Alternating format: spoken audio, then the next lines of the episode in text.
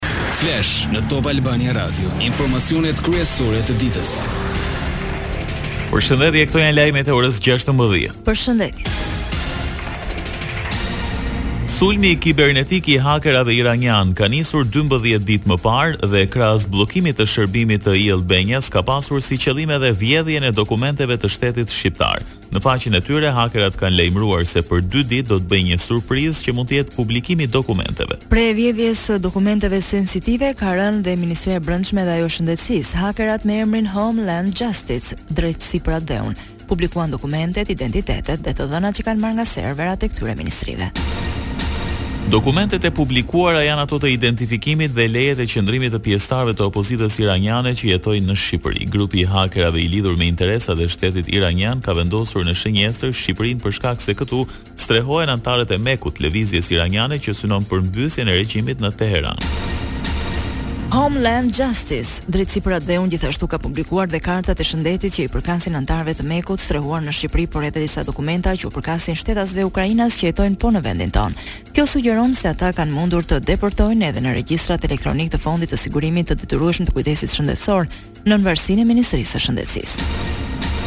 Për herë të parë, Homeland Justice përmes një postimi sqaron përse e ndërmori këtë sulm kibernetik ndaj Shqipërisë. Ne si grup nuk donim apo dëshirojmë të dëmtojmë interesat e popullit shqiptar, por kur vjen puna tek qeveritë dhe politikanët e korruptuar të Shqipërisë, kjo është një histori tjetër. Shqipëria nuk mund të jetë shtëpia e terroristëve dhe mashtruesve. Lajmet në internet në adresën www.topalbaniaradio.com. Ilir Meta ka reaguar sërish në lidhje me daljen e emrit të tij si ish-bashkëpunëtor i Sigurimit të Shtetit, ish-presidenti tha se Autoriteti i Dosjeve do mbajë përgjegjësi penale. Autoriteti i Dosjeve do të mbajë përgjegjësi ligjore për këtë shkelje të rëndë të ligjeve që ka bërë, edhe në atë shkresë turpshme që ka dërguar Kuvendit të Shqipërisë pa asnjë fakt, pa asnjë informacion. Do të mbajnë dhe përgjegjësi individuale personat e përfshirë, ish xhelatë të Sigurimit të Shtetit, bashkëpunëtorë e kështu me radhë. Autoriteti i Dosjeve e di shumë mirë se kush ka qenë bashkëpunëtori në rast konkret, sepse ajo ndodhet në dy dosje. Në mbrojtje të Metës doli dhe aleati i tij Sali Berisha. Cilido që lexon emailin e ka të qartë se IM-ja është Ilir Murati nga Librazhdi dhe Filip Tale është nga Librazhdi dhe s'ka asnjë lidhje me Ilir Rexhep Metën. Në të njëjtën linjë dhe Meta dhe Berisha flasin për një skenar të Edi Ramës për të sulmuar kundërshtarin politik. Nuk ka patur edhe nuk ka asnjë dosje. Ajo ka një porosi dhe merr Letra që i fabrikon Endri Fuga. Këto janë, ky është kurthi që organizon Edi Rama në mënyrë që të mund të përdorë SHISH-in, SHIK-u, SHISH-in, për fabrikim dokumentash. Maxhoranca ka gati ndryshimet ligjore që përforcojnë filtrat e pastërtisë dhe i hapin rrugë rikontrollit të politikanëve të cilët kanë kaluar verifikimin e së shkuarës së tyre.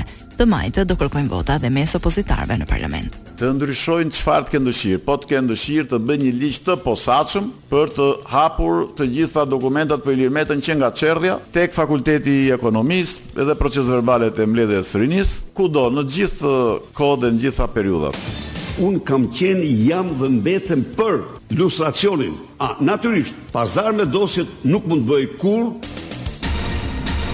Partia Socialiste depozitoi sot në Kuvend propozimin për ndryshimin e ligjit për të drejtën e informimit për dokumentat e ish Sigurimit të Shtetit pas debatit të krijuar prej ditësh tha kryetarja e Komisionit të Ligjeve Klotilda Bushka. Rastet flagrante dhe shqetësuese, të pasqyruara në shkresën informuese të autoritetit, Drejtuar Kuvendit të Shqipërisë, ku figura të rëndësishme të shtetit, të pajisur me certifikatën e pastërtisë së figurës, në fakt, rezultojnë në dokumentat e krijuara të ish-sigurimit të shtetit, kërkojnë një adresim dhe reagim të menjëhershëm.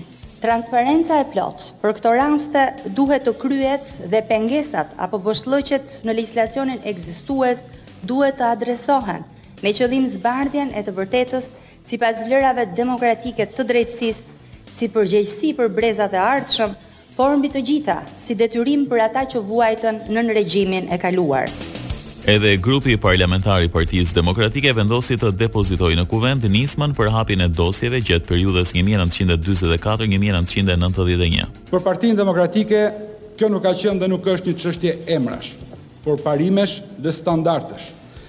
Ne jemi të vendosur për transparencë të plotë të dosjeve të ish Sigurimit të shtetit dhe krahas dy nismave të depozituara, Partia Demokratike ka gati projektligjin për dekomunistizimin e simboleve të diktaturës komuniste, ndërsa rrethanat diktojnë domosdoshmërinë e një nisme gjithëpërfshirëse për pastrimin e plotë administratës shtetërore, dhe funksioneve të larta publike nga çdo person i lidhur me sigurimin e shtetit.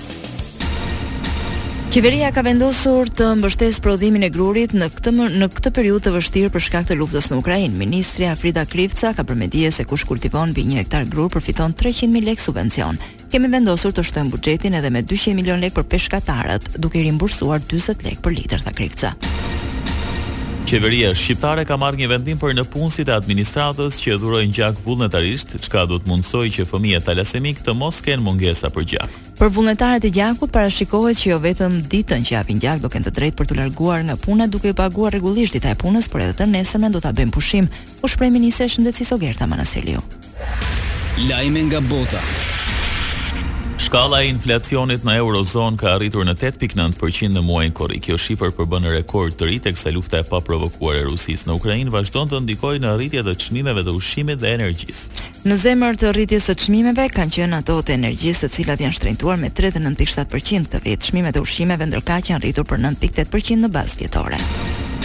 Ministri i Jashtëm rus Sergei Lavrov konfirmoi se është i hapur për të biseduar me sekretarin amerikan të Shtetit Anthony Blinken rreth këmbimit të të burgosurve. Blinken tha tre ditë më parë se Washingtoni i ka ofruar Rusisë një marrëveshje që parashikon kthimin në shtëpi të basketbollistes amerikane Brittney Griner, dhe amerikanit tjetër të plagosur Paul Whelan.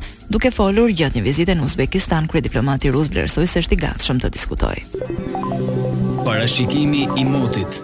Territori shqiptar do të jetë në ndikimin e kushteve të qëndrueshme atmosferike, ku orët me diell do të jenë të shumta në pjesën dërmuese të vendit tonë. Temperaturat luhaten në vlera ditore nga gjashtëmbëdhjetë në tridhjetë e gjashtë gradë Celsius.